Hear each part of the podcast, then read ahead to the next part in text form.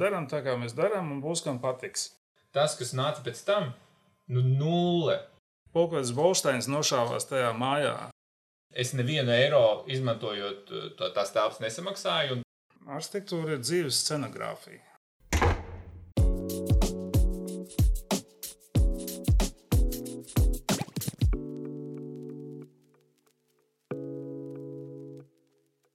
Sveicināti podkāstu Rokturis pirmajā epizodē. Šīs sezonas laikā kopā ar jums būsim mēs, šī podkāstu vadītāji, Artūrs un Elzbieta. Šodien mēs esam ciemos enerģijā birojā, kur runāsim par tēmu, kā atgriezt dzīvību pamestā ēkā. Šodien ar mums kopā ir Ulris Lukčevits, kas ir NRJA biroja vadītājs. Un, Šis birojs ir veidojis daudz dažādus projektus Rīgā un arī citviet. Šobrīd strādā pie Rīgas cirka, aktīvi darbojās arī Elzbieta ielā divu telpā MAD, bet tagad mēs noskaidrosim, kas aktuāls birojam pašlaik. Jā, un ar mums kopā ir arī, jā, un ar mums kopā ir arī Jānis Bikšs, kurš ir uh, nekustamo īpašumu mākle, māklers, uh, kā arī ir aktīvi darbojies biedrībā Frīrīga, kurš ir, kur ir arī atbildīgi par daudziem tādiem arī interesantiem atjaunošanas projektiem, kā piemēram Lastādija vai Visekļi, vai arī uh, pats Tallinas ielas kvartāls, kuri nemaldos, viņi ir bijuši iesaistīti. Tā kā sveiks Jāze! Sveiki! Un sveiks arī Oldi! Sveiki! Kā, kā mēs jūtamies šodien visur? Ļoti labi, jā, paldies. Paldies, ka uzaicinājāt. jā, uh, man mums pirmais jautājums ir par to, ka mēs uh, ar nolūku centāmies uzaicināt tādus, uh, veidot sarunu ar tādu kā arhitektu, un no otras puses arī cilvēku, kas uh, citādā veidā attiecās pret uh, šo, šo, šo ēku atjaunošanu, pret vidas veidošanu un tā tālāk. Un, uh, varbūt tad kāds ir jūsu kā priekšstats gan par uh, šo free Rīgā attiecībā pret arhitektūru, kā mākleram, pret arhitektu, kā, kādas varbūt ir kaut kas kopīgs, atšķirīgs, kā, kā jūs to redzat, šīs, šīs varbūt pieejas un kāpēc varbūt, mēs vispār izvēlējāmies šādu, šādu sastāvu. Nu, es varu jā, pastāstīt, kā es to redzu. Es nezinu, man liekas, arhitektūra vienmēr ir tāda neizbēgamā telpiskā sastāvdaļa. Un kaut kādā ziņā no tās frīrīgas, no manas pieredzes tur un manas pieredzes arī kaut kādos pārdodot īpašumus vai strādājot ar kādiem attīstīšanas projektiem, tā arhitektūra dažreiz liekas īstenībā kā šķērslis vai kā kāds ierobežojums, bet varbūt arī patīkamā ziņā. Jo vienmēr vajag kaut kāds bijis šī ierobežojums, un, un, un kā, tas, tas dod kaut kādu virzienu. Ja es domāju par to sabiedrisko lietošanu un arī par to pašu Elizabetes ielu divu, man tur vienmēr tas, tas sabiedriskais iet pa priekšu, un arhitektūra droši vien ir tā sekundāra. Tā kā, man liekas, ka cilvēki vairāk reaģē uz kaut kādu telpu, un cilvēks ir tas pirmais elements. Jā.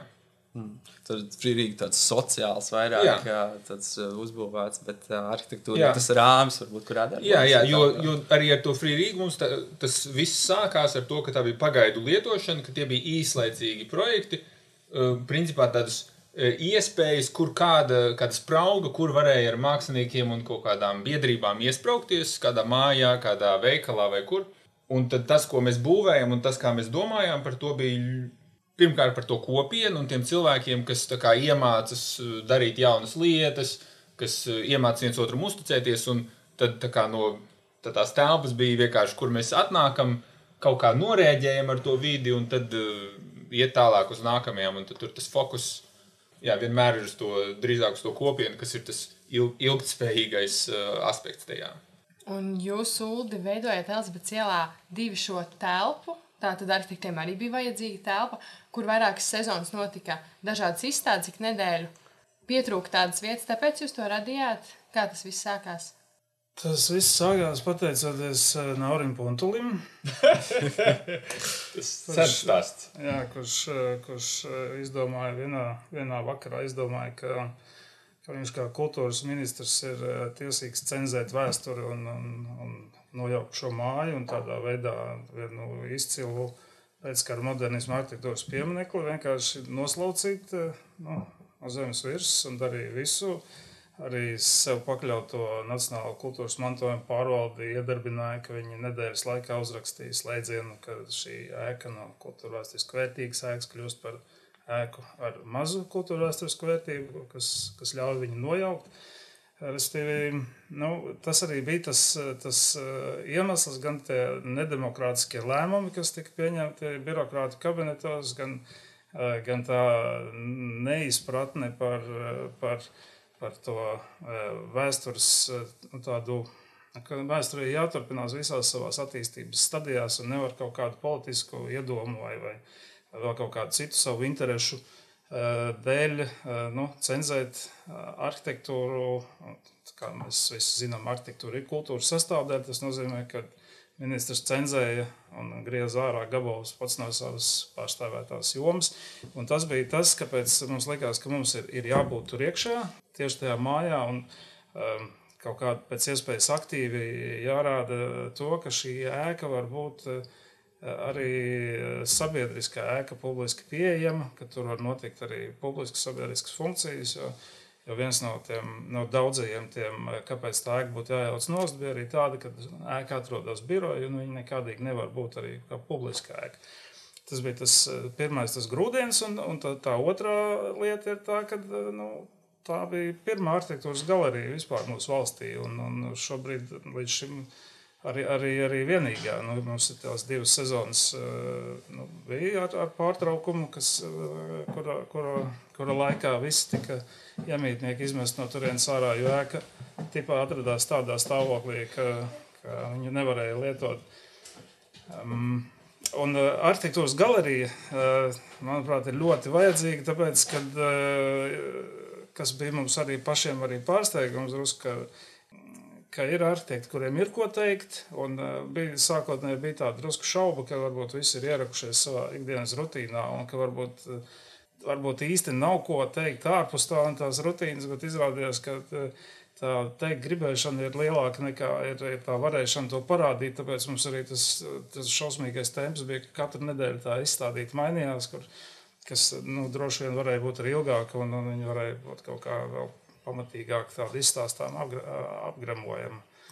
Bet nu, tas ir liels prieks par to, ka, ka arhitekti nu, arī domā, ne tikai vien zīmē. Tas arī ir tas, tas nu, ka, ko tā, tā mazā galerija, tie 15 kvadrātmetri, nu, parādīja, ka, nu, ka, ka nav tik slikti. Jā, man vispār ļoti patīk tā galerija, jo, kad es iztēlojos, kad tu saki, uh, arhitektu galerija, es iztēlojos planšetes lielveikalā. Mm Eh, vai, vai piegādes mm. mājas. Bet tā, tā, tā, bija, nu, tā bija reāli mm. kaut kāda starpdisciplināra, drīzāk mākslas galerija. Jā, mēs mm. tieši par to, piedod, mēs tieši par to arī ar kolēģiem arī runājām, kad eh, mēs tur arī pafilmējām visu to pasākumu, ka tās eh, ekspozīcijas, kas notika Matgalerijā, viņas diezgan krasi atšķīrās no, piemēram, no Anda telpas sīļa. Viņam bija otrā stāvā, un Neilands arī bija Tirkijas zilā telpa. Tas tāds klasiskā arhitektūras rādīšana, ka tās planšetītes ir skicītas pie sienām, un tu pa katru savu darbiņu izstāsti. Un, un tad, tad šis, šis mūsuprāt jau bija tas drusku tāds mūsdienīgāks domāšanas veids, kad, kad nav tās, tā kā Jāzeps arī saka, nav tās planšetītes, bet ir, ir nu, tas, tā doma, ka, ka tā arhitektūra nav tikai tās uzvilktās līnijas un tas jumts virs, virs tām sienām, un tā, viņš tur turās, bet nu, viņš ir arī, arī, arī visas lietas, kas ir apkārt, un, un, un tā, tā, tā, tā arhitektūrai tas arī viss ir arhitektūra. Un tas mums likās ļoti svarīgi, ka tas parādās. Jā. Varētu teikt, ka tā ir tāda kā atbildes reakcija gan tam, kas notiek ar māju, gan tam, kas nepieciešams arhitektūrai. Un patiesībā visas šīs lietas, ko jūs minat, savā ziņā sasaistās arī ar Venecijas bienāls pieeju arhitektūrai. Tā izjušana, telpas veidošana, to, ka arhitektūra ir ne tikai tā, tas zīmējums un rasējums. Nu, Varbūt, varbūt. Nu, Venecijas dienāla, man liekas, arī ir izsmēlusi sev gan brīz jau pavisam, viņa iet uz beigām diezgan straujiem soļiem. Tas ir tāds politizēts liels pasākums, kur, kur nu, gadās ļoti reti tādi uzplaiksnījumi, kas ir kaut kā nu, tādi tiešām garšīgi. Ko jūs domājat par šī gada Latvijas ekspozīciju vienālē? Inns ir mūsu bijušais kolēģis, tāpēc tikai labi. tikai labi jā, bet, bet es domāju, ka viņi bija sākot ar to. Jūs varat pateikt, es nezinu, kas tur bija. Jūs varat man pateikt, kas tur bija? Jā, arī tiem klausītājiem, kas nezina, un tev jāzina, tātad šogad Latvijas Bienālē pārstāvēja ar tirzniecības veikalu, tādu kā prototipu, kurā produkti bija iepriekšējo bienāļu dažādu valstu veidotās izstāžu tāds kā apraksts, ģenerēti attēli, kas ir kā produkts it kā parādot, atskatoties uz visām iepriekšējām vienādēm, kurās Latvija piedalījusies. Atmēnes tas tas vēl, vēl drusku arī tas lielveikals ar to, ka tas ir, viņš varbūt drusku arī tā kā ironiski par to visu to bienāli tā kā runā, ka tas ir tāda, nu, ideju lielveikals pa lielām, kur ir samestas kopā visādas eh, raibas idejas, un tu kaut ko no tā var izvēlēties, nevar izvēlēties.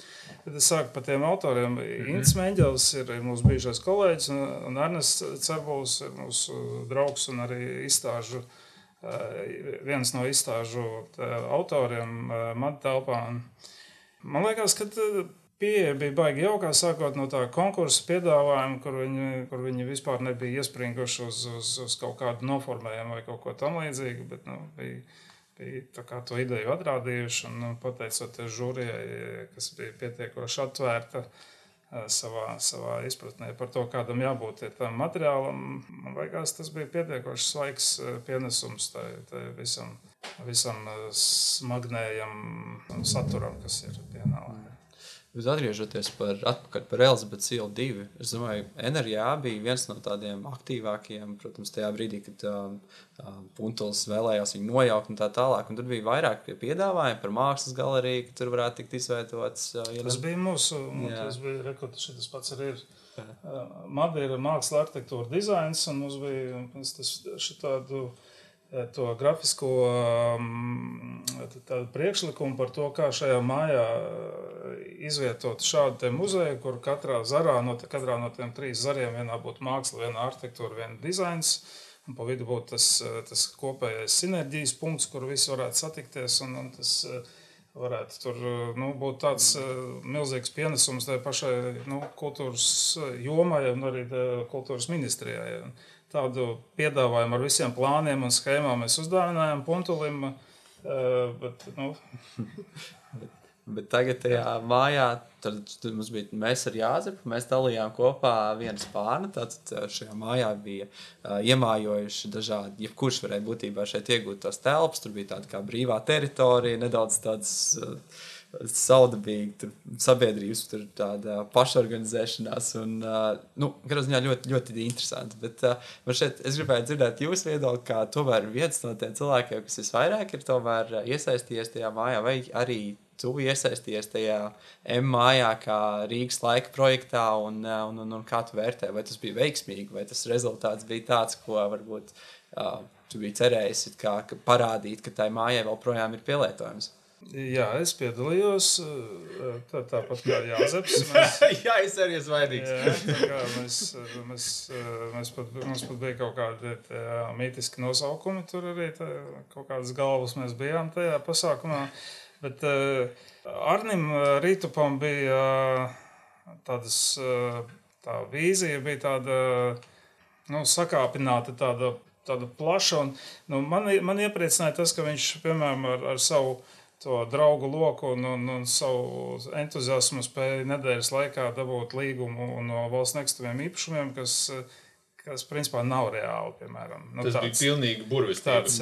Un, un tad, nu, pateicoties tam, man kaut kāda cieņa tajā, arī tajā virzienā pret Rītu radās. Un, man liekas, ka kopumā ņemot, uh, Eh, tas viss, protams, varēja būt, eh, būt arī nedaudz savādāk, bet tas notika tā, kā tas notika. Tas kā tāds sociāls eksperiments noteikti ir ļoti interesants. Es domāju, ka vēl vēstures grāmatās viņš jau tiks pieminēts. Eh, nu, Tāpatās kā varbūt ne tajā pašā strīpā, kur ir ceļojums uz Bolderāju, bet, bet nu, uz to pusi tas varētu būt kaut kas par, par šo laiku, kas, nu, kas raksturotu arī tādu izlaicienu no tās no tās ierastās lietu kārtības.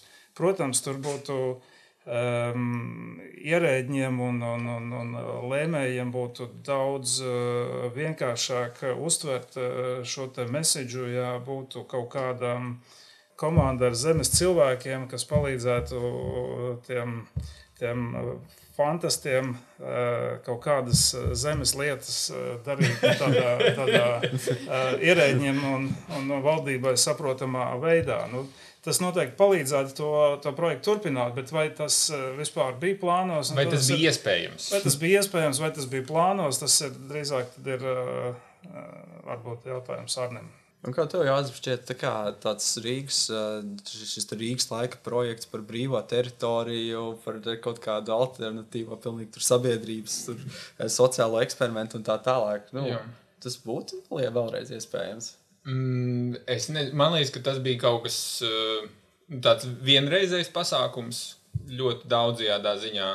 Man kaut kādā ziņā arī tas viss pasākums tiešām iedvesmoja. Es biju pārsteigts, ka tas ir iespējams.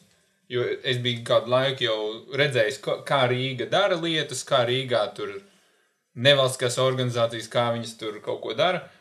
Ārnis pārkāpa visus noteikumus. Tas, nu, kā, tas bija jā, nu, tāds, nu, es negribu teikt, cirks, ne sliktā ziņā, tas bija tāds spektakls. Muļķmāja. Muļķmāja. Un, jā, man, man, man tiešām bija interesanti piedalīties. Es par laimi neņēmu tur nekādu, jo tur bija daudz tiešām, kā Udu saka, tāda intensīva, laikam, intensīva tāda komunikācija un tāda eh, visādi spilgti momenti. Es to visu tā mēģināju ļoti viegli un uh, laist caur sevi, un man, man bija ļoti patīkami. Mm. Es biju, jā, es, es joprojām jūtu kaut kādu pozitīvu iespēju no tās mājas, man liekas, jā. Es biju šausmīgi pārsteigts par to, ko no mums, kā pavalsniekiem, jo arī mēs kopā ar studentiem izveidojām savu to, to telpiņu. Tad kā, tās kā tās lūgumi bija nu, tik, tik ļoti. Nu, man, man liekas, ka tas ir diezgan liels apjoms. Un tad pat laikā bija arī tie cilvēki, kas reāli tur dzīvoja tajās mājās, kas bija pilnībā pārvākušies no nu, tur ar saviem birojiem. Es varu īsi pateikt to, to struktūru, kas man arī, kad es atnācu, man likās vienkārši fascinējoši Arnis Rītups ir ienācis uh, Elsbets ielā divi. Es nezinu, cik kvadrātmetru mājā tur ir. Tu zini, cik viņi ir liela? 14,000. 14,000 kvadrātmetru ēka Rīgas vidū. Un viņš uh, katru dienu, katru darba dienu reizi apaļā stundā laiž iekšā cilvēkus izvēlēties telpas. Uh, un cilvēki apskatās telpas un var atsūtīt Arnim izziņu par to, ka viņš grib kaut kādu telpu un ko viņš darīs tajā telpā. Arnis viņiem atbild, un tad tie cilvēki var atnākt uz ceremoniju un pieņemt to telpu. Jā, no tiem cilvēkiem tika sagaidīts, ka viņi principā darīs kaut kādu savu ideju, ko viņi ir uzrakstījuši tajā SMS. Bija kaut kādi līgumi, bet man liekas, ka principā ar tiem cilvēkiem, kas bija kļuvuši par valdniekiem, nu, principā visi, kas aizrakstīja ziņu.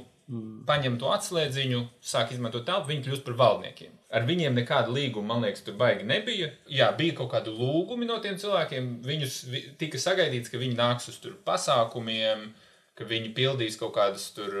Kas, es nezinu, tur varbūt atceries kaut ko. Tas kas... bija teātris, jā, jās, jāiestudē. Bija, teātris, bija jālasa uh, skalbes 15. Apli bija, es atceros, vēl jāzīmē. Jā, kādi. bija jāzīmē apli.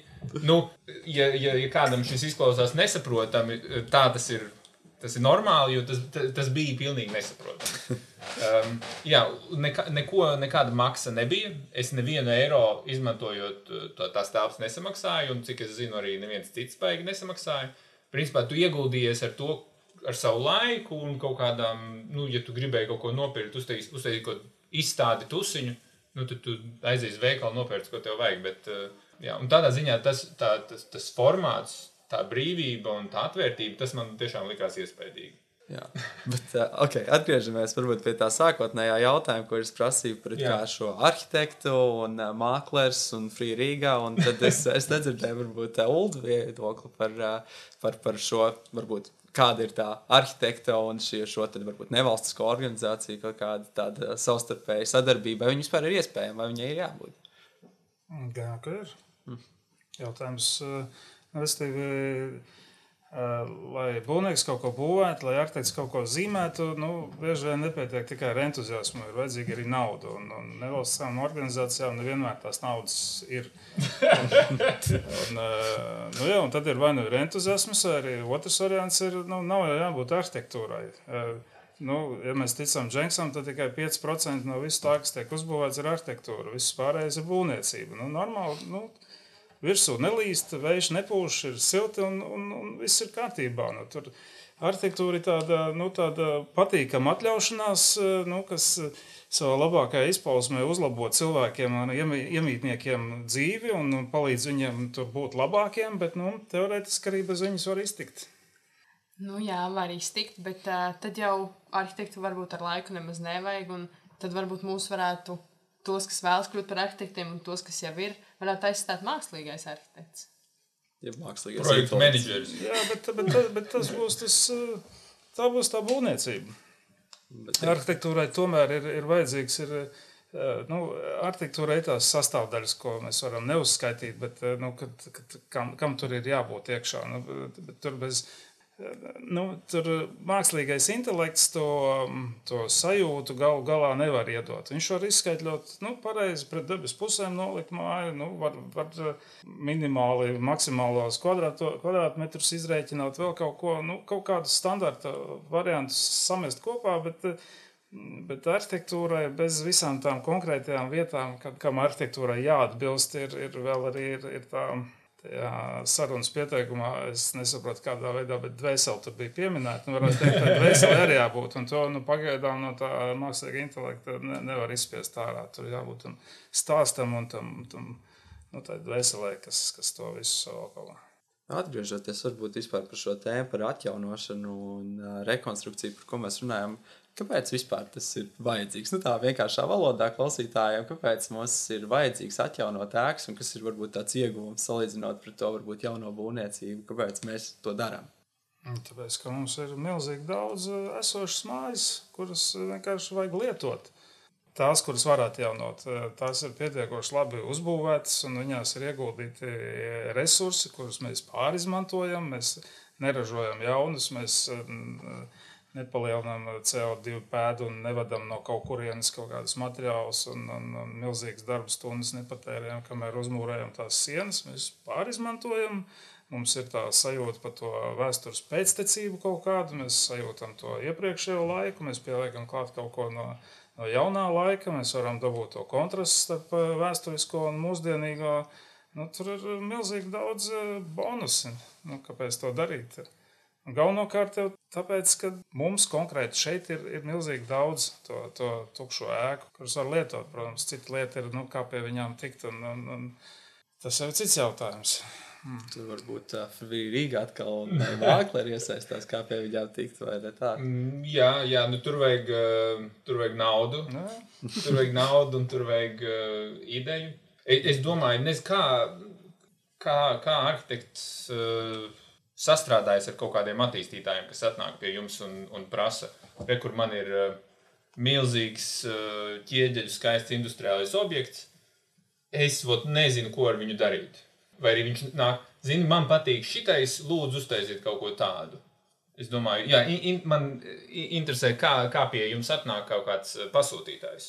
Nu, parasti tādiem lieliem objektiem eh, tā nu, vienkārši neatnāk. Parasti konkurss. Mm -hmm. nu, tas konkurss ir tas pirmais sirds, kas eh, kaut kādā veidā eh, atsijā to apmēram to virzienu. Nu, resti, mēs, piemēram, mēs tāpat darām tā, kā mēs darām. Mēs īsti savādāk nemākam, ne gribam darīt savādāk. Mm -hmm. Mēs darām tā, kā mēs darām, un būs kam patiks. Un, tad, eh, un tajā brīdī, ja, ja, ja tādā konkursa rezultātā tas pasūtītājs ir mūsu izvēlējies, tad nu, apmēram mēs jau domājam līdzīgi. Tad, eh, tad, tad to tālāk var darīt tādā veidā. Nu, tas okay, vienkārši, ir... ja, ja atnāk kāds, kurš saka, ka. Uh, viņš jau viņš ir redzējis, kā jūs taisat konkursus.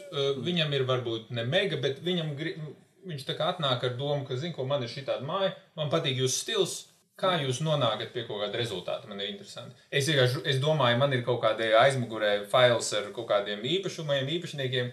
Kur... Kā, kā nonākt pie rezultāta ar, ar vēsturisku apgājumu? Jā, jā. Protams, pats pirmais ir, nu, tas tiek sākts ar, ar arhitektonisku māksliniecisko izpēti, nopietnu izpēti. Mm -hmm. Tas ir ar visām vēsturiskajām mēkām, tā lai saprastu, kurā brīdī, kur, kurš arhitekts ir, kurā laikā ir uzbūvējis to pusstāvu, kurš ir nākamo. Un tā, tā tā kūka saveidojās kopā, tad ir skaidrs, ka nu, tā daļiņa ir no tā, tiem gadiem, un tā nākamā ir no tiem gadiem. Tāpēc tur ir citādāks jau tas logu dalījums, un tā dzēga aiziet kaut kur ne tur. Padomu laikos eh, Zahārovs uzbūvējis virsū vēl ir silikāta ķieģeļu tādu piebūvu vēl. Tas ir noteikti ir, ir, ir sākums, un, un tad ir. Tad ir, nu, ja mēs runājam par tādu teiksim, vēsturisku kompleksu, nu, mēs varam pieminēt, mēs šobrīd strādājam pie rūpnīcas lentas, Lenta, Jāgaunas iela 68. Mm -hmm. Tur vēl tagad vēl joprojām augstās sprievītes un, un armijas jostas un tās mazos uzraciņas biedras mm -hmm. aizmugurē. Milzīga teritorija ar vēsturiskā arhitektūra, tur Feldskola, Bokslāvs, Devendrus, visi tur ir kaut ko sazīmējuši, sataisījuši. Un, un tad mēs sākam ar to, ka mēs saprotam, nu, lai, lai vispār tur kaut ko darītu, kas no tā viss ir jānojauc no tie sekundārie pasākumi. Mm -hmm. Tad ir aptuveni tā telpu programma, un tad jau var sākt mēģināt skatīties pa, pa, pa to lielo konceptu, nu, piemēram, vai, vai mēs vispār laižam iekšā teritorijā automašīnas, vai viņas mēģinam da, dabūt cilvēku brīvu to pasākumu, vai mašīnas pazemē, vai, vai kaut kādā veidā tam līdzīgi. Mēs mēģinam nelikt mašīnas pie, pie mājām, lai būtu cilvēkiem nu, patīkami uzturēties. Tad to, to, um, tādam lielam kvartālam, nu, protams, ir vajadzīga uzreiz bez mašīnām, ir infrastruktūra pirmajos stāvos, un tad, uh, teiksim, uzreiz pie, pie iebrauktuvēm, no, no kurām pusēm iebrauktos, izbrauktos infrastruktūra un kaut kādas komunālās kopējās zonas. Tad jau sākot no, to, no tā, jau liekas kopā pamazām, un viņš, viņš nu, krāmējās jau funkcionāli. Un tādām vēsturiskām mēkām ar to, ar to Eh, formveidi un to, to arhitektūru tādu redzamo, tur, tur īstenībā nav kur pārspīlēt. Tur var, var kontrastam tur pielikt jaunu stāviņu, tur mm -hmm. pilnīgi kas tā kā, eh, nu, tā kā atkāpjas drīzāk atpakaļ, nevis, nevis manifestē, ka es esmu jaunais, bet nu, tas, tam, tas vecais viņam ir pietiekoši Eh, parasti ir eh, kvalitatīvas faktūras un, mm -hmm. un tas tonīši vēsturiskie, kas visi ir eh, savu laiku jau pārdzīvojuši, ka viņi, viņi iedod to visu tēlu un tur atliek tur viņu respektēt. Un, un, Bija, bija, bija tāda, tāda, tāda lecība, provodnikā bija, ka no mūsu puses bija um, pievienot, noņemot, no nu, respektīvi, ka mēs to vērtību tām vecām mājām mēģinām pievienot vienkārši to sekundāro, mm -hmm. sekundārās lietas noņemot un atklājot to, to pamatu struktūru. Un, un, tad, un tad jau arī tur jau arī tas, tas, tas smēķis parādās. Ja, tad jūs neesat tie, kam uh, sarkanas uh, lielas stikls un kaut nu, ko. Mums sarkanas ir mūsu gandrīz vienīgā krāsā, kas mums arī ir, bet, bet ja pa sarkaniem stikliem ir tāda, tāds tāds redline, tas ir Bukulta ielā, tāda biroja ēka. Tādu, mm, Viņi kaut ko, ko balvu taču dabūja.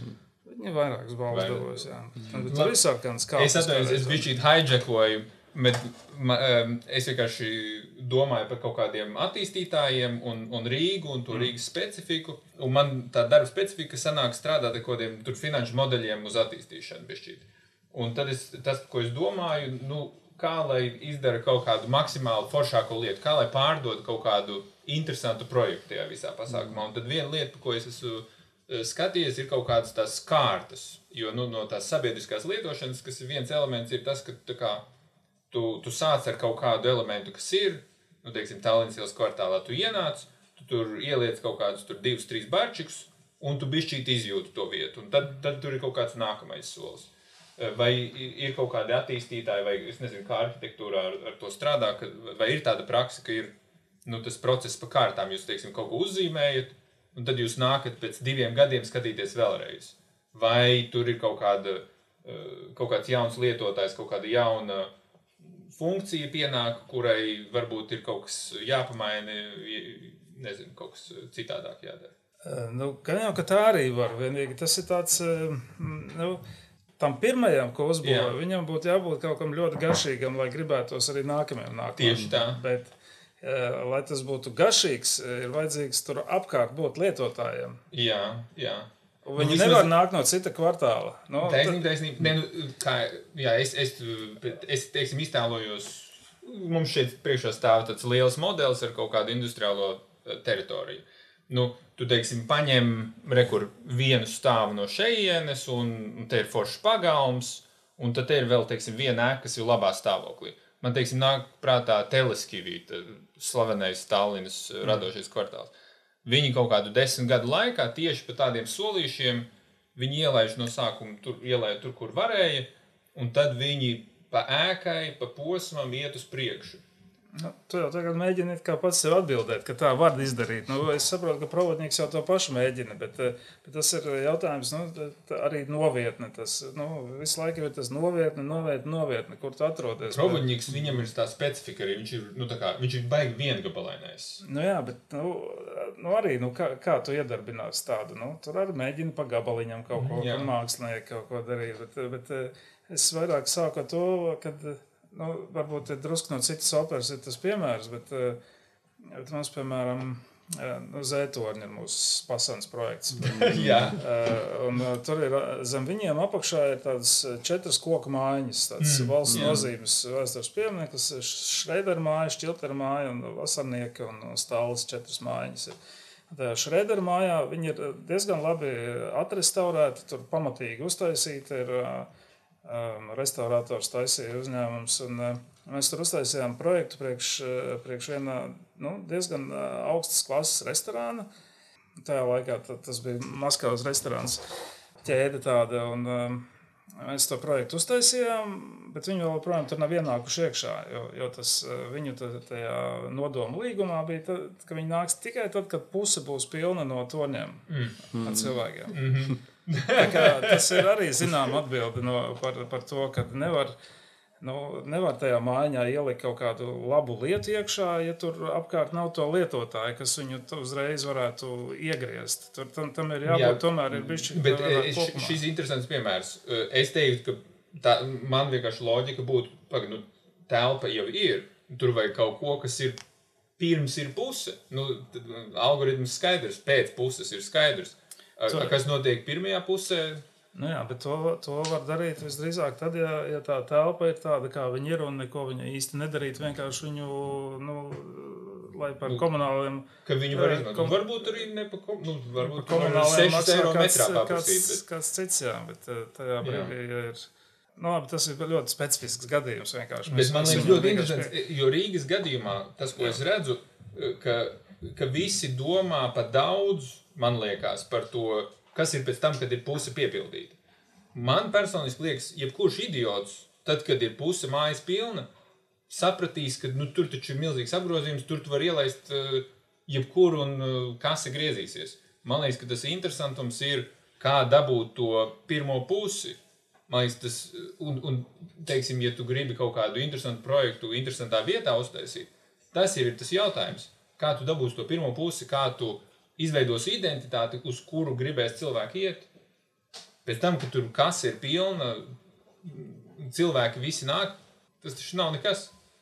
Nu, nu, tas, tas ir laikam ir no, atkarīgs no, no attīstītāja. Es domāju, tā, tas ir no vienas puses tajā brīdī, ja, ja attīstītājiem nav apgrozāmo līdzekļu vai kādu līdzekļu, lai tur darītu kaut ko fundamentālu, tad tad attīstītājs visdrīzāk griežas pie, pie nevalstiskām organizācijām, tādām kā Free Riga, lai kaut kādu dzīvību ieviestu tajā pasākumā. Negriežas, negriežas. Nu, es, es teicu, minēju, kāpēc, kāpēc varētu kaut kādā veidā kaut kas notikties. Nu, piemēram, tāpat Andrejs Sala. Nu, viņa, viņa arī viss, viss tas iepriekšējais pasākums bija tāpēc, lai tas vārds skanētu vienkārši, lai viņš kaut kādā veidā tur ne, ne, nebūtu vienkārši degradēta teritorija, bet tur kaut Jā. kas notiktu vienkārši. Andrejs vēl ir interesants piemērs. Jā. Bet man liekas, eh, es, es tieši to Kristofru Puķīti, kas ir tas Dirty Deal čalis, mēs ar viņu bijām kaut kādā pasākumā par eh, kā projektu fail vakars bija mums. Eh, Un tad es ar viņu kaut ko runājos. Un, bet man liekas, ka jā, nu, viņ, viņš man stāstīja, nu, kā viņiem tur gāja. Viņi vispār nepaņēma to identitāti, to Andreja salas, to, teiksim, ka viņi uzbūvēja kaut kādu to jēgu tajā Andreja salē. Tas, kas nāca pēc tam, nu, nulle, nulle no tā, kas bija pirms tam. Tur atnāca kaut kādi krievu restorāni, vai nu, neteiksim, krievu, augstas klases restorāni, kas nu, tā kā tu, tu neizmanto tos čipus, kas tur ir ielikti. Mm. Bet eh, tas ir. eh, Nu, mums tieši šodien iznāca tepat birojā runāt ar uh, Maksu Čekotu. Uh, šobrīd mm. zvaigžņoto jau uh, re, restorānu īpašnieku. Jā. Un viņš um, teica, ka nu, tā ir tāda specifika, ka ir tās uh, restorānu, piemēram, ķēdes, kurām kur īpašnieki ir finansisti. Viņiem pilnīgi vienalga, kas ir bijis iepriekš, vai tas restorāns strādās pusgadu vai gadu. Viņš vienkārši strādā, viņš ir viņa Excel tabulās iekšā, pēc gada viņa mierīgi viņu likvidē un ir nākamais. Es zinu, Tā, nu, tu zini to schēmu, taču, protams, un, un, un tajā brīdī nav runa par kaut kādu iedibinātu identitāti. Vienkārši viņi tajā brīdī, kad viņi redz, ka tur kaut kas notiek, viņi to vietu akceptē, ka viņi tur varētu būt teorētiski, jo tur Jā. kaut kur cilvēki jau ir sākuši plūst. Kas būs pēc tam, vai kas ir, kādi mākslinieki ir bijuši pirms tam, viņus pilnīgi neinteresē. Viņus nu, interesē tikai dvēseles cil, cilvēku plūsmiņi, kas tur ir gājusi Bet tas nav tā kā tomēr, nu, daudziem cilvēkiem, ka tomēr viņiem ir grūti to. Nu, tā kā, viņiem nav varbūt tik svarīgi tas, lai tur ir kaut kāda tā, varbūt, tas mantojums, tā vēsture. Nu, tā kā viņiem nopārdot to, it kā to atjaunošanas projektu, ka tā kā, nu, uzbūvēt lielāku, vairāk, augstāk, nu, attīstītāju puses tieši, ka tā kā. Uh, varbūt nav tik liela interese, vai ir tieši interese par tādiem atjaunošanas projektiem un tādu tā kā saglabāt to, kas tur ir bijis un uh, to esošo.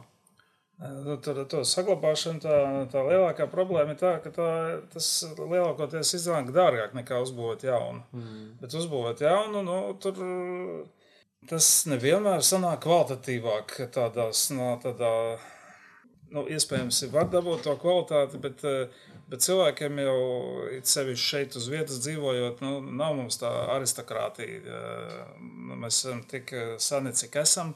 Un tomēr gribās nu, kaut kādu to, to pamatīgumu, to nu, vēstures pēctecību, kaut kādu tādu apzināties. Un kad, nu, kad tas arī senā lieta, tā, nu, kad, kad es esmu nu, sastāvdaļa, turpinās kaut kādā veidā. Viņi, viņi varbūt pat neizteikti, bet nu, kaut, kādā ziņā, kaut kādā zemapziņā viņa eh, tomēr ir, kad, nu, kad tas pamatīgums ir tajā, tajā vecajā. Un, un, Man šķiet, ka mēs vispār dzīvojam tādā diezgan interesantā brīdī, kad uh, nu, es gribētu teikt, ka tāda nu, tā mana vecāka paudze nosacīta, viņiem ir tā kā, tas senais, tas pamatīgais, tas tur ir uh, vēl pirms padomju laika un tā. Un mēs tagad it kā esam uh, tajā, tajā paudzē, kur mēs pēkšņi uzskatām, ka, cik nu pēkšņi, bet mēs redzam, ka tur tas padomju laika, tur tās rūpnīcas, tas ir pamatīgums, ka pamatīgums ir varbūt arī kaut kāda tā, tā, tā tā, tā arhitektūra, kas ir no, no tieši šī padomju laika, kas varbūt iepriekš nav likusies tā kā, kā tāda vērtība un tā tālāk. Un, man liekas, ir tāda, nu, tāds kā nezinu, pārmaiņu laiks par to, kas ir tā kā, svarīgs un kas ir tā vēsture, ko ir vērts saglabāt un ko nav vērts saglabāt. Bet par to padomu laiku jau arī tā ir, ka uh, tur nemaz nav tik daudz ko saglabāt. Tur uh, nu, neviens netaisās pa, nu, tā, tā godīgi pat dzīvojamos visus rajonus saglabāt. Kaut ko jau bišķīt. uh. Var, varbūt, bet tā, tā atkal nav īsta arhitektūra. Tur varbūt mm -hmm, tādā ģener, ģenerāla plāna, tādā mērogā var, var runāt par kaut kādu pilsētu būvniecisku arhitektūru. Bet tieši no arhitektūras to saglabājumu lietu jau ir ļoti nedaudz no tā pēckara modernisma vai padomu laika nosacīt mm. sauktā. Tur gan, jo, jo, Bet ar to pašu tas- netiek galā. Nu, Nu, netiek galā, jo, jo ir tāda iedibinājusies tāda kārtība, kā organizācija, kā, kam būtu tas arhitektūras mantojums. Tā kā jāsargā un jātur rūpi mantojuma pārvalde, kultūras vēsturiskā mantojuma pārvalde. Nu, viņi ar Dāmbi kungu priekšgalā nu, diezgan, eh, diezgan ir eh, ik pa brīdim negatīvi izsakās par, par eh, pēckara modernisma arhitektūras piemēriem. Un, un tur tā, tā attieksme ir, nu, Nestīvi, šī pārvalde tika dibināta, lai, lai sargātu to nu, bulvāru loku un tā laika arhitektūru. Viņi, viņi tika dibināti tajā padomu laikā kā reiz, un, un viņi, līdz ar to tas, tas uzdevums viņiem nav īsti mainījies. Viņi ir dzīvojuši tajā, dibināti tajā laikā un eksistējuši tajā laikā, kad tāpat tā arhitektūra, padomu laika nosacīta arhitektūra, pēckara modernisma arhitektūra, kas tagad būtu jāsargā, bet viņi to kaut kā automātiski vairs neuztver par savu to sargājumu objektu, jo tas jau ir jau noticis tad, kad viņi jau, jau ir bijuši kā institūcija nodibināti. ne.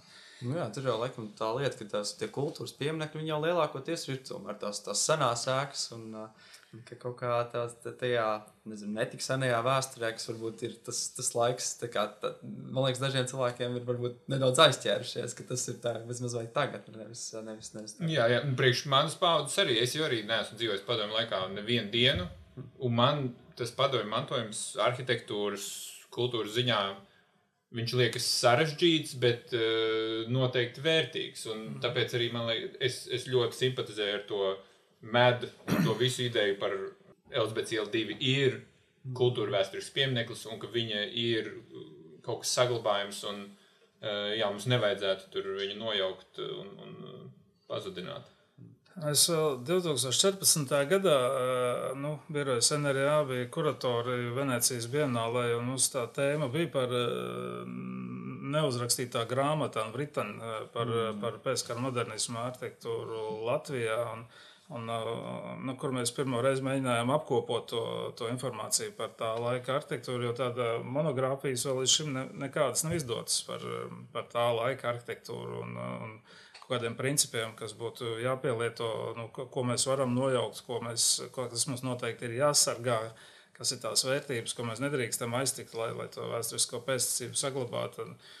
Tā mūsu izdotā grāmata, kas toreiz tika izdota, tāds ķieģelīts, viņa arī līdz šim brīdim ir vienīgā pa to, pa to laiku. Un pēc šīs eh, Venecijas eh, bienāles mēs uh, 11 ehm, objektus sagatavojām un iesniedzām kultūra vēsturiskā mantojuma pārvaldē, nu, pieminiektu statusu piešķiršanai. Un, un no tiem septiņiem vai astoņiem tas, tas nosaukums arī tā, tika piešķirts. Tā kā, tā kā. Man liekas, ka viena sarežģītā lieta ir interesanti, ko, ko Ulas par to saka. Ar to padomju mantojumu viņam ir nu, tāds traumatisks aspekts. Nu, tas, ka tu vari nedēļas laikā noņemt uh, Rīgas vidū kultūra vēsturiskajā ēkai statusu. -huh. to, nu, to var izdarīt tikai, ja tev ir nereāls bailes no tā. Ja tur ir kaut kāds, nu, ka tas ir iedves šausmas tur. Nu, vai, nu, vai otrs variants ir politisks pasūtījums? Nu, Jā. man, man nu, varbūt nav izcelsmes to pašu uzvaras pieminekli. Tas ir uh, Rīgas vidū milzīgs objekts, kult, nu, neapšaubām kultūra vēsturisks objekts tas, ka tu vari viņu nojaukt un pamatot sabiedrībā un uzgavilēt par to, tur ir kaut kāds, manuprāt, nu, nu tāds traumatiskais aspekts no tā padomju mantojuma. Un atrast, kur, atrast kura padomju māja un kur, kurš padomju mantojums ir, teiksim, foršs vai, vai tur ir kaut kas cildināms, vai es nezinu, kā tur izvēlas tos unikāls, autentisks, bla, bla, bla, bla, bla. Un kas ir kaut kas, ko mums vajadzētu izdzēst no vēstures. Vai vispār vajag kaut ko izdzēst no vēstures? Nu, kaut ko varbūt vajag. Bet... nu, jā, nu šis varbūt ir tāds diskutabls eh, pat tieši par to pieminekli, jo tas eh, bija tā kā, nu, tas propagandas ierocis, tā vairs nav ar arhitektūra. Nu, māja ir māja, tā, tas pats Vilciņš, Elizabetes ielas arhitekts mm -hmm. galvenais, nu, pēc, pēc mazmeitu atstāstiem viņš jau to māju zīmējot bija kā bija ticējis, ka viņa, viņai pienāks tas brīdis, ka viņa varēs lietot arī citiem mērķiem, nevis tikai kā kompartijas centrālas komitejas ēka, ka tā būs sabiedriski pieejama ēka. Un, liekas, un, bet to pieminiektu tur nu, tu vari darīt, ko gribi. Tu viņu īsti kā, citu jēgu viņam nomainot cipariņus vai vēl kaut kā piešķirt nevar. Viņš tāpat būs tas, kas viņš ir. Viņu varētu, protams, kā mākslas objektu, mums arī bija tāds plāns, ka viņi varētu tur ap, apaudzēt ar zaļumiem, ka tie zaļumi vienkārši viņu pārņem. Kā, nu, viņš kā aiziet kā vēsturē savādākā veidā. Nu, tā noteikti varēja darīt. Bet, ar gaismām, ar bet, telpu. Bet tas, tas atkal ir tas politiskais brīdis, nu, kad, kad politiķi saprata, ka nu, tas ir tas brīdis, kad viņi var, var izšaut un, un, un tad. Jā, ne, bet, nevar kavēties. Tu teici, tu teici, ka nevar kā, iedot citu jēgu un nomainīt cipariņus, bet man liekas, ka šausmīgi interesants piemērs ir uh, strēlnieku laukums. Tas, uh, tas piemineklis ar tiem trīs strēlniekiem, tas kādreiz bija sarkano strēlnieku laukums. Uh, Visu, ko tur izdarīja, nomainīja cipariņus. Uh, pasaka, ka tie ir nevis sarkanie strēlnieki, bet tie ir strēlnieki, kas cīnījās par brīvu Latviju. Viss Dāna piemineklis ir, uh, jēga paliek. Nu, Tā kā un viss priecājās un domā, ot, kā mēs uh, patriotiski Nu, te var, gar, te var par šito arī var gari jā, runāt īstenībā. Strelniekiem, jā. Nu, Mēs, man liekas, vienreiz arī parunājām par šito atklāšanu. Tieši par strelnieku. Nē, nē, par uzvaru. Aha. Par uzvaru. Ne, jo es, jā, es, es varu atzīties, ka man, man likās nu, tāds garlaicīgs un neforšs solis nojaukt. Es, es, es gribētu, lai rīznieki, lai latvieši spēj kaut kā transformēt tās lietas un atrast, atrast tās jaunās jēgas, nevis, mm. nodarboties ar kaut kādu dzēšanu. Man bija kauns par to. Bet vai nav tā, ka, piemēram, arī tajā pašā atkal pie tā strēlnieka laukuma, tur ir tā, tā tas, kā to, tas bruņinieks. Tas jau arī bija, ja nevalas mēģinājums, vai nē, neatceros, kā viņš sauc, bet viņš bija arī kaut kāds tāds izteikts, tas vācu, tur tas kolonismu simbols bez mazvai, nu tā kā, ka it kā, nu tas taču ir konkrēti piemineklis tam, kad tur ir noticis pirms tam, bet tas, man liekas, ir kaut kā jau aizgājis tajā vēsturē, kur tas vairs nav tik traumatiski, un mēs mazliet to, nezinu, uh, uztveram kā pašsaprotamu, bet tad, kad tas ir padomu laiks, tad mēs. Nē, tur, nu, piedod, ka es pārdaudu, bet man liekas, tur nav runa par to, ka tas ir padomu laiks, bet eh, tas par, par uzvaru spēlēm, tas notiek šeit un tagad. Mm. Tas ir vienkārši, tas tiek asociēts ar šī brīža Krieviju un, un, un šī brīža Krievijas darbības, viņas ir nu, tādas, kā, tādas, kādas viņas ir, un, un tas, tas eh, tiešā veidā turpinās. Tad, nu, par tiem bruņiniekiem un vispārējo tā jau ir tā kā vēstures eh, liecība, bet šis konkrēti ir šī brīža aktuāls politisks eh, iedarbības līdzeklis. Eh, tā- Jā, jā, e- e- es tev piekrītu. Mm. Un šeit šis ir gadījums, kurā principā mēs esam ļāvuši kaut, kā, kaut kādai naidīgai, nu, nu teiksim tā, naidīgai kaut kādai kopienai, naidīgai kaut kādai varai pārņemt mūsu pilsētas un kontrolēt mūsu pilsētu īstenībā. Un tas, ka vienīgais, ko mēs kā pilsētas turētāji varam izdarīt, ir uzspridzināt viņu, nu, neuz, no, nogāzt. Man liekas, tas uh, garlaicīgi. E- Es, es, es domāju, ka tā ir tāda jā, ļoti vāja reakcija. Jā, nu, pi- pirms, pirms tā paša tā, no, no uzspridzināšanas akta bija, bija ārteikts savienībā diskusija arī par šo.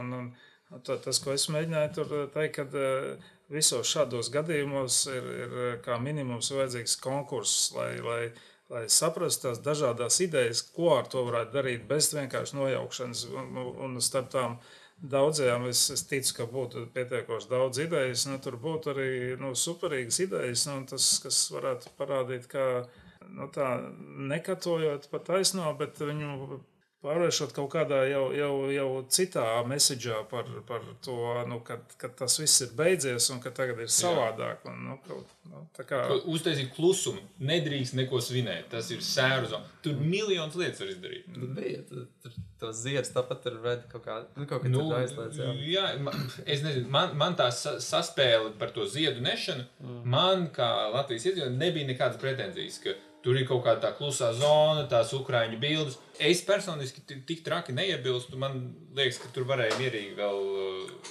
spēlēt, bet uh, nu, jā, jā, jā. Nu, kaut kādā ziņā arī saprotu īstenībā. Bet varbūt ā, atvirzīsimies atpakaļ par mājām un ā, par šo sākotnējo tēmu. Ja mēs runājam par šiem padomu laika pieminekļiem, vai jūs domājat, ka tomēr arī šīs mājas, piemēram, tāpat Elizabetes iela divi vai kongresnāms vai arī kaut kādas citas partijai un uh, komunismu nosacīti uh, funkcijai uh, radīt sēklas, vai viņas tur turpina nest šo kā, nezinu, tos, to, to, ko varbūt rītur sauca par, uh, par šo smārdu, padomu laika rēgu, vai viņš ir. Uh, Vai viņi, bija puntuļu termins. tas bija punteļi, bet viņš kā turpināja viņu caur to, to, to balu, kur viņi tur mēģināja viņu izdzīt ārā un tā tālāk. Bet, uh, vai tās ēkas turpina tomēr nest to, it kā to ideoloģiju, to message un būt uh, arī savu veidu tie pieminekļi tam, vai jūs domājat, ka tas drīzāk ir vienkārši ēka rēka un jautājums ir, kā tu viņu izmanto? Es nezinu, man patika, ko Ulrichs teica par to, par to ka uh, tās vēstures veidošana, teiksim, jaun, ja mēs izstāvamies kaut kādus jaunus projektus, ka viņiem ka tu izmanto veco un viņu kaut kā transformē. Man liekas, ka tā padomju spociņš, ka viņš ir tāds uh, dažreiz baisāks, dažreiz mazāk baisāks. Tur, teiksim, stūra māja varbūt ir tik baisa, ka, nu, es pat teiktu, es tur nelīdzu baigi tuvu. Nu, mm. Tur muzejas ekskursijas vienīgi. Bet, uh, jā, jā man, man liekas, ka viņš tur ir. Jā, man liekas, ka tur tas gars ir. Bet es nedomāju, ka tas ir tāds, no kā jābūt alerģijai. Man liekas, ka tas ir tāds, ar ko vajadzētu izveidot attiecības. Ka tur ir kaut kāds tas padomju kolektīvisms, no kā mums kā sabiedrībai ir nenormāli bail, eh, ka tas mūs ierobežo. Un ka mēs kā sabiedrība nu, jā, nevaram darīt kaut kādas lietas, nevaram uh, paskatīties uz ēkām, uz vietām, dēļ, tā, dēļ tām bailēm no tās pociņa. Man liekas, īstenībā ar to pociņu ir jāveido attiecības, un, un tur noteikti var kaut ko unikālu Eiropas līmenī, pasaules līmenī atklāt. Bet pociņš jau ir. Nu, kur tas pociņš ir? Viņš ir ēkā vai viņš ir cilvēkos? Kā... Nē, nu, manuprāt, nav nekādas pociņas. Pociņš ir varbūt ir uh, Nacionālās apvienības uh, ietvaros kaut kādā veidā. Un, un uh, tas, kāpēc ir tās uh, komunistiskās partijas uh, ēkas uh, pārsvarā tie, tie pieminekļi tikai tāpēc, ka uh, Tas bija vienīgais pasūtītājs tajā laikā, kam bija, kam bija resursi, kas varēja piesaistīt tā brīža labākās eh, tehnoloģijas un materiālus, un, un arī arhitektus, un, un uzbūvēt kaut ko tādu, kas ir pietiekoši kvalitatīvs šobrīd. Un, un, un tāpēc, tāpēc, tāpēc tās redzamākās un tās kvalitatīvākās ir tās partijas, eh, partijas būvs. Un, Viņas ir uztveramas tikai kā, nu, kā sava laika, nu, kvalitatīvāk saglabātās eh, ēkas, un viņām ar, ar tā laika ideoloģiju ir, ir eh, ļoti maz sakars šajā brīdī jau. Un, un, ta, un, un tajā brīdī, kad eh, būs pirmais piemērs, ko izdosies kvalitatīvi renovēt, izdarīt tā, lai tā, tā pēckara modernisma ēka būtu arī energoefektīva un viņa nebūtu sačakarēta. Viņa, viņa to savu apjomu nezaudētu un to savu materiālitāti nezaudētu, bet, bet iegūt tās jaunās kvalitātes. Tajā brīdī cilvēki nu, sapratīs, ka tas ir nu, foršs veidojums, kuram ir savas arhitektoniskas kvalitātes, un viņš ir arī šo, šodien lietojams. Bet To neviens līdz šim nav izdarījis, un to valsts varēja izdarīt ar Elizabetes ielu, jo tas, nu, atšķirībā no daudziem citiem gadījumiem, tas ir valsts īpašums, valsts zeme.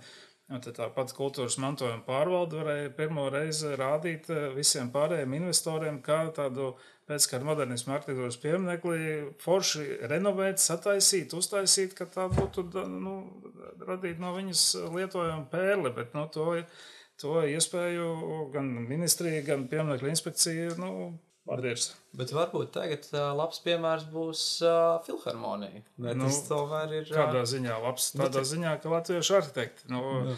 Mailīts un, un, un, un, un Marks ir. Ir, ir ok, bet nu, no tās mājas jau tur nekā nebūs vairāk. Tā ir viena siena, un tas arī ir viss. Tur. Ta, tas, tas ir iekodēts šajā, šajā vietas izvēlē, kas uh, vieta gandrīz tika izvēlēta jau, jau demokrātiskā veidā. Bija, bija Lietuviešu birojas mašīna. Viņiem jau nebija šī kongresa nama. Kongresa nams parādījās tikai tāpēc, ka Rīgas pilsēta saprata, ka viņi to savu iecerēto koncertu zāli, viņam nav naudas tur uzbūvēt, tad viņi ieliec it kā tajā pēdējā vilcienā un, un, un, un nu, piestartēja ar šo novietni. Šī novietni, nu, manuprāt, absolūti nav labākā novietne, un tās mājas tur nekas nepaliks pāri. Nu, būs koncerta zāle, nu, varēs eh, ar, ar, ar balvas kurpēm aiziet no, no taksometra uz turieni, tas viss būs, bet nu, tā ģērtmaņa ēkas tur vairs nebūs nekādā veidā. Bet uh, es, es gribu mm, mest izaicinājumu vai apstrīdēt to. Manuprāt, nav labu piemēru, tāpēc, ka, piedod, bet tu skaties uz to bez tā sociālā, bez tā ideoloģiskā aspekta un tur kaut kas vienkārši pazūd. Jo tas nav tikai materiāls. Tas ir, tur ir kaut kādi tie nemateriāli aspekti, kas ir jāiemā, nu, man liekas, ka, ar kuriem ir jāizveido kaut kādas attiecības, un kur ir kaut kas, ar ko ir kaut kā jāapspēlējas. Jo kamēr vieni saka, ka tur ir rēks, un vieni saka, ka tas ir tikai ķieģeļu čupa, jā, nu, tur kaut kas pa vidu, nu, nevar neko izdarīt ar to. Nu, es nesaprotu, tev, tev bija divi, kas viens teica, ka ķieģeļu čupa, otrs teica, ka rēks. Jā. Un tas ir viss. Nu, e, es saku, ka ir kaut kas pa vidu. Jā. E, tu saki, e, Elizabete Iela 2 ir vienkārši materialitātes kaut kāds objekts, ka viņa ir tur uzbūvēta māja, un viņa tur ir. Un Puntulis saka, tas ir padomju ļaunums šajā mājā. Nu, es, es te pārspīlēju, protams, Puntulis tā nesaka. Bet nu, tur ir kaut kāds ļaunais rēks ar, no padomju laiku komunistiskās partijas. Eh, un tāpēc neko tur nevar izdarīt. Es, jā, nu es, es domāju, ka tur ir kaut kāds vidusceļš, ka tur ir, teiksim, ja tu ietu un skatītos uz tiem materiāliem un mēģinātu saprast tās arhitektu dizaineru izvēles, tur tos marmorus un whatever, visas tās kaut kādas uh, ornamentus, tur ir jāņem vērā, ka tas bija taisīts komunisma laikā. Okay, bet eh, nu, es pieņemu, ka tu zini arī to vēsturi, kāpēc tā māja ir tieši tāda un savādāka. Zinu kaut ko eh, šo to.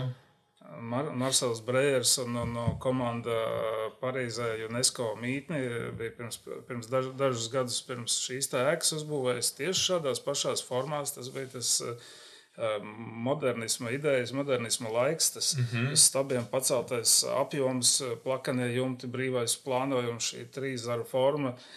Šie latviešu arhitekti Vilciņš, Udrs, Staņslavskis un Asaris. Nu, Viņi nekādā veidā eh, viņus nevar uzskatīt par kopētājiem, jo, jo viņi vienkārši izmanto, viņi, viņi, viņi spēja būt uz tā paša viļņa, kur bija visa pasaule. Jo šādas līdzīgas formas ar četriem zariem, ar trījiem zariem mājas ir, ir, ir visā pasaulē, arī Briselē, Eiropas. Tas eh, parlamenta headquarters arī ir eh, tādas pašas formas, tur tā, tās mājas arhitekti atklāti tajā, tajā laika intervijās teica, ka viņi seko Brejeru idejām un, un ka viņi vienkārši no tā iedvesmojās un turpina to pašu stāstu.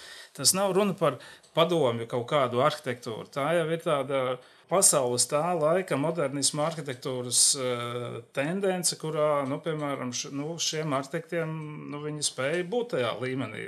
Tā kā man liekas, uh, tur tas betons izmantotais, kas ir betons, betons, nu, tā, nu superīgs betons, uh, eksponēts betons. Uh, tie, tie materiāli, nu, viņi ir es tev piekrītu. Akmens, nu, tas pats, nu, tas, te, ko te feikoja, izskatās plāksnītis krīt nost, tas uh, Igauņu dolomīts, piemēram. Jā. Nu, nu, tas ir Igauņu dolomīts, tas ir tepat ir Igaunija, šeit dolomīts. Jā.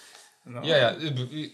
Es, es, es ne, vienkārši līdz galam neuztvēru to, to padomju materiālitāti, ko tu teici. Nu, nu, tā nav padomju materiālitāte. Tā ir. Nē, tas bija padomju tā. cilvēks, kas viņu taisīja. Nu, protams, kur viņš varēja būt savādāks. Tieši tā, tieši tā. Tur... Un, un tas padomju cilvēks, es, es nezinu kā, es neesmu arhitekts, es neesmu veicis tur mākslinieko izpēti. Bet tur ir kaut kāda tāda veselība. Bet izpēta ir veikta. Līja gar, garkā ir veikusi. Viņa ir ļoti uh, nu, nopietni izpēta, un tur ir atzīts, ka ēka ir vērtīga, ir autentiski saglabājusies, un, un viss ir jā. kārtībā. Nu, jā, un es vienkārši tas, ko es saku, ka muļķīgi noliek, ka tas ir uzbūvēts tajā laikā, un to ir uzbūvējuši tie cilvēki tajā laikā, un tur tāda vēsele tai mājai ir radusies kaut kad tāda, un man liekas, ka tas ir kaut kā jārespektē.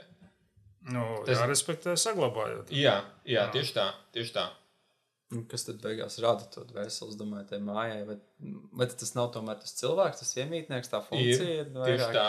tā nevis tas, tas, tas ķieģelis. Nu, tieši tā, es, es domāju. Nē, nu, tad, tad, ja, ja tā māja ir sūdīga, tad, tad tas cilvēks var būt ar dvēseli vai bez dvēseles. Viņš viņu neuzmanās. nu, ja tā māja pat par sevi ir laba, tad, nu, protams, cilvēks ar dvēseli iespējams viņu apdzīvos vēl dvēseliskāk. Jā. Runājot par to dvēseli, to, ka patiesībā ir tas potenciāls ļoti daudzām mājām. Ir kāda māja, atskaitot Elizabetes ielu un kaut kas Rīgā, ko jūs redzat, kā jūs gribētu kā izveidot, atjaunot, parādīt to labo piemēru, kā saglabāt. Kā saglabāt? Kā saglabāt un varbūt pielikt kaut ko klāt, bet tā, lai nepazūd tas sākotnējais. Mēs katru dienu strādājam. bet ir tādi sapņi, varbūt, kas, ko neviens vēl nav aizticis, kas vēl nav aktualizēts. Tas varbūt nav sapnis, bet man liekas, ļoti svarīgi ir tas, ko mēs nu, pieskārāmies jau, bet neturpinājām par to stūrmāju. Tur arī, nu, man liekas, tas, tās darbības, kas šobrīd ir, ir veikts ar to pārdošanas mēģinājumiem un to visu retoriku ap to māju, ir diezgan greizas. Tas, tas, tur atkal nav bijis, nav bijis konkurss, kas parādītu vīziju, kā to var izdarīt, kā tas muzejs var, var būt valsts īpašumā un eksistēt atsevišķi Mm -hmm. ar to, kas viņam ir. Un tā visa pārējā milzu māja, tā ir 90, cik tur 6% ir vienkārši pārējā māja. Tas, tas muzejs ir maziņš. Un pie tam vēl tajā mājā ir uh, ilgus gadus pat no, no valsts dibināšanas atradusies iekšlietu ministrija. Visus gadus līdz 40 gadam arī, arī, arī Polkveits Bolsteins nošāvās tajā mājā. Vienkārši tai mājai ir daudz lielāka tā, tā vēsture, un tur arī ir dibināta pirmā tā krimināla tā politiskā policija, kas, kas bija dibināta tāpēc, lai lai cīnītos pret bolševiku spiegiem. Mm -hmm. Un tas viss kopā ir tāds eh, nu, vispār nepieminēts kamols, ka, ko, ko varētu nu, izvirpināt tādā, tādā veidā, kad būtu arī atrastos investors, kas gribētu arī to pārējo māju lietot un darbināt. Vienkārši atkal pietrūkst tās vīzijas, eh, kas būtu konkursu kārtībā uz, uzdarbinām, uztapinām, lai, lai, lai, lai, lai investors, kas gribētu kaut ko ieguldīt, lai viņam nebūtu vienkārši tāds tāds konflikts un problēma, tāds kamols. Nu, tu, tu gribi ņemt šo visu, bet nu, ko to darīt, nav zināms. Nu, tur ir tāds. Jā, jā. Nu, Tas varbūt nav sapņu darbs, bet man liekas, tā būtu tāda problēma, ko varētu atrisināt vien kaut kādā tādā saprātīgā ceļā. Bet kā to piedod, bet es domāju vienkārši par to, nu, to, to priekšstatu par to māju, nu, stūra māju, tas tā pati muļķu māja tā tālāk, bet nu, kā, kāda reāli kā cilvēkam, lietotājam, tas, kas tur dzīvo, kā viņam izmainīt to, kā, to domāšanu, to uzskatu par to māju, par to, to nezinu, to, to imidžu, kas, kas ir radies par to māju, tomēr, jā, kas, kas jau ir viņam tik ļoti iesakņojusies un kā lai, kā lai parādītu, ka tā nav tomēr tikai un vienīgi tāda Kam, kam tu to gribi parādīt? Nu, Tas to... ir uh, vienkārši nu, kā ar visām lietām. Būs kam patiks. Nu, man patīk, piemēram, nu, varbūt ir vēl cilvēki, kam patīk. Nav visiem jāpatīk visām lietām. Tas Pareiz. ir ļoti. Tieši īstenībā vajag pāris cilvēkus, kuriem ļoti patīk. Nu, jā, labākā gadījumā kādam no viņiem ir nauda. tieši tā, tieši tā. Tieši tā. Nevajag, man liekas, ka tas ir muļķīga ideja mēģināt izpatikt visiem. Nu, to nemaz izdarīt nevar. Tieši tā. Tieši tā. Cits starpā par to pašu padomju mantojumu. Nu, piemēram, es redzu šo stāvu makets, ar, kur ir no nu, acīm redzam, redzams, ka ir kā tas esošais, tas vēsturiskais, un uh, tad ir tāds ļoti kontrastējo, kontrastējošs, kā kaut kas tāds jaunais, uzslāņojums un kaut kas tāds nu, pilnīgi citāds. Bet es domāju, vai arī tas, tā, tā pieeja ir līdzīga arī ar tiem padomju. Ne, bet, nu, pēckara modernismā arhitektūra arī nav. Nevajadzētu būt tādai, ka nu, tur tiešām vajag kaut ko, nu, nezinu, saglabājot kaut kādu detaļu no tā, bet tomēr, tā kā, tomēr ieviest kaut kādu kontrastējošu, kaut ko, kas ir mūsu laikam atbilstošs vai viss tā kā. Kāpēc ne? Tas zīmē augšā. Ne, jā, tas, tas, tas, man vienkārši jūs tur iepriekš tā ļoti par to, to mailīšu, ka kongresnām teicāt, ka tas esot tā kā galīgi garām, jo tur nekas nepaliek, bet es domāju. Tas nav tieši pa mailīšu, tas pats uzstādījums, ka tajā vietā ielikt iekšā programmu, kas tur neiet iekšā, nu tas to arī nozīmē, ka paliek tikai butaforiski viena siena, un pārējais ir jauns. Tas ir kā kaut kāda viduslaiku senu vietu, kur ir palikusi burtiski viena siena. Bet mm. šajā gadījumā jau tā, nu jā, tas, tā, tā atšķirība ir, ka tu pievieno nianses no jaunā, nevis ka tu pie, atstāji nianses no vecā. Jā. Bet, jā. Es vēl vēlējos noskaidrot. Mēs te par jauno, par veco Dailas teātra laukums. Arhitektūras gada balva. Jūsu viedoklis? Es kā naivais garām gājējis varu pirmais pateikt, lai, eh, lai profesionāļi var pēc tam komentēt. Tie apstādījumi patīk bišķīt. Man, man, man, man, es, es, es kā tāds eh, cilvēks, kam liekas, ka progress ir svarīgākais, man liekas, ka tur ir aspekti, kas ir pareizajā virzienā, kuriem ir pareizais vektors. Tīri dēļ tā, ka jā, es tur redzu kaut kādas pāris lietas, kas man patīk, es redzu kaut kādas lietas, kuras eh, es gribētu redzēt vairāk es saku, ka ir ok. Jā, priekš publiskās telpas tie apstādījumi, man, man īstenībā viena lieta, kas man briesmīgi tracina, ir kā, apstādījumi Rīgā tik konservatīvi un tādā garlaicīgā formā. Ārprāts, viss notiek. Un tad tur ir viņš, viņš ir bijis tāds, tāds brīvs, bijis tāds dabiskāks, uh, tur kaut kāds naturālais haoss, vide. Uh, tas, tas man tur ļoti patīk. Labi, tā kā, sorry, bet man jā. liekas, tā kā, nu ir ok. Nu, tā, tas, man liekas, ka, nu, vai arhitektūras gada balvai vajadzētu vinēt tam, kas, kas šķiet, ka tāds ir ok, tāds uh, darbiņš. Nu, man liekas, drusku, varbūt manā sajūtā negāja kopā tas, ko žūrija mēģināja uzsvērt tur par, par to, nu, atkal par to, kas tagad visur ir tā, tā ilgspējība un, un, un viss pārējais. Nu, Šeit no vecā nekā vairs nav. Te ir jaun, jauns bruģis, jauns daudz mm. betona. Te ir nu, vienkārši tā kā. Tas ir kaut kāds pilnīgi cits, kā pretstatā tam, kas tiek runāts tekstā. Šis te rezultāts ir pilnīgi savādāks. Nu, ta, tas man likās tā tāds. Nu, Taisnība. Kāpēc? Mm. Tā, Viņi jau gan tur stāstīja, ka iedvesmojušies esot no vecā, bet tas varbūt ir tāda. Tas tāds uh, nemateriāls, tāds. Uh, tāds jā, jā. Uh, bet es, tas, ko es gaidu, ir tiešām, ka būs kaut kādas tās uh, stilīgas un foršas uh, telpiskās pārmaiņas, transformācijas, kurās izmantos reāli tos padomju bruģus, kur, kurā tie padomju tās Tu, ne, formas. tu neesi tālu no. Uh, jā, es iznāku braukt garām, nav gan pabeigt savu, bet uh, tieši pretī dzemdību namam miera ielā, kur uh, šobrīd tiek būvēta uh, kultūras akadēmijas kinoskola, un pret miera ielu iznāk tāds, uh, tā kā viņš tāds, šitāds tādā krāsā apjomiņš ir. Mm -hmm. Pievērsiet uzmanību fasādē. Par, un tad teica, nu, tās, ka tu gaidi, ka būs no padomu laika bruģa. Labi, aiziešu apskatīties. Bet runājot par fasādēm un krāsām, kāpēc sarkanais? Mums Jūs- patīk. Jūs birojam visu cauri vērt sarkanais. Jā, tad ir sarkanā dzīsliņa. Tāda. Tā kā asins, tā kā dzīvība. Jā, asinsvadi, jā, un dzīvība. Nu, viņa, ir, nu, viņa ir spēcīga, rosinoša. Tas slikti ir. Ne, ir ļoti labi. Vienkārši vienmēr ir tās pārdomas.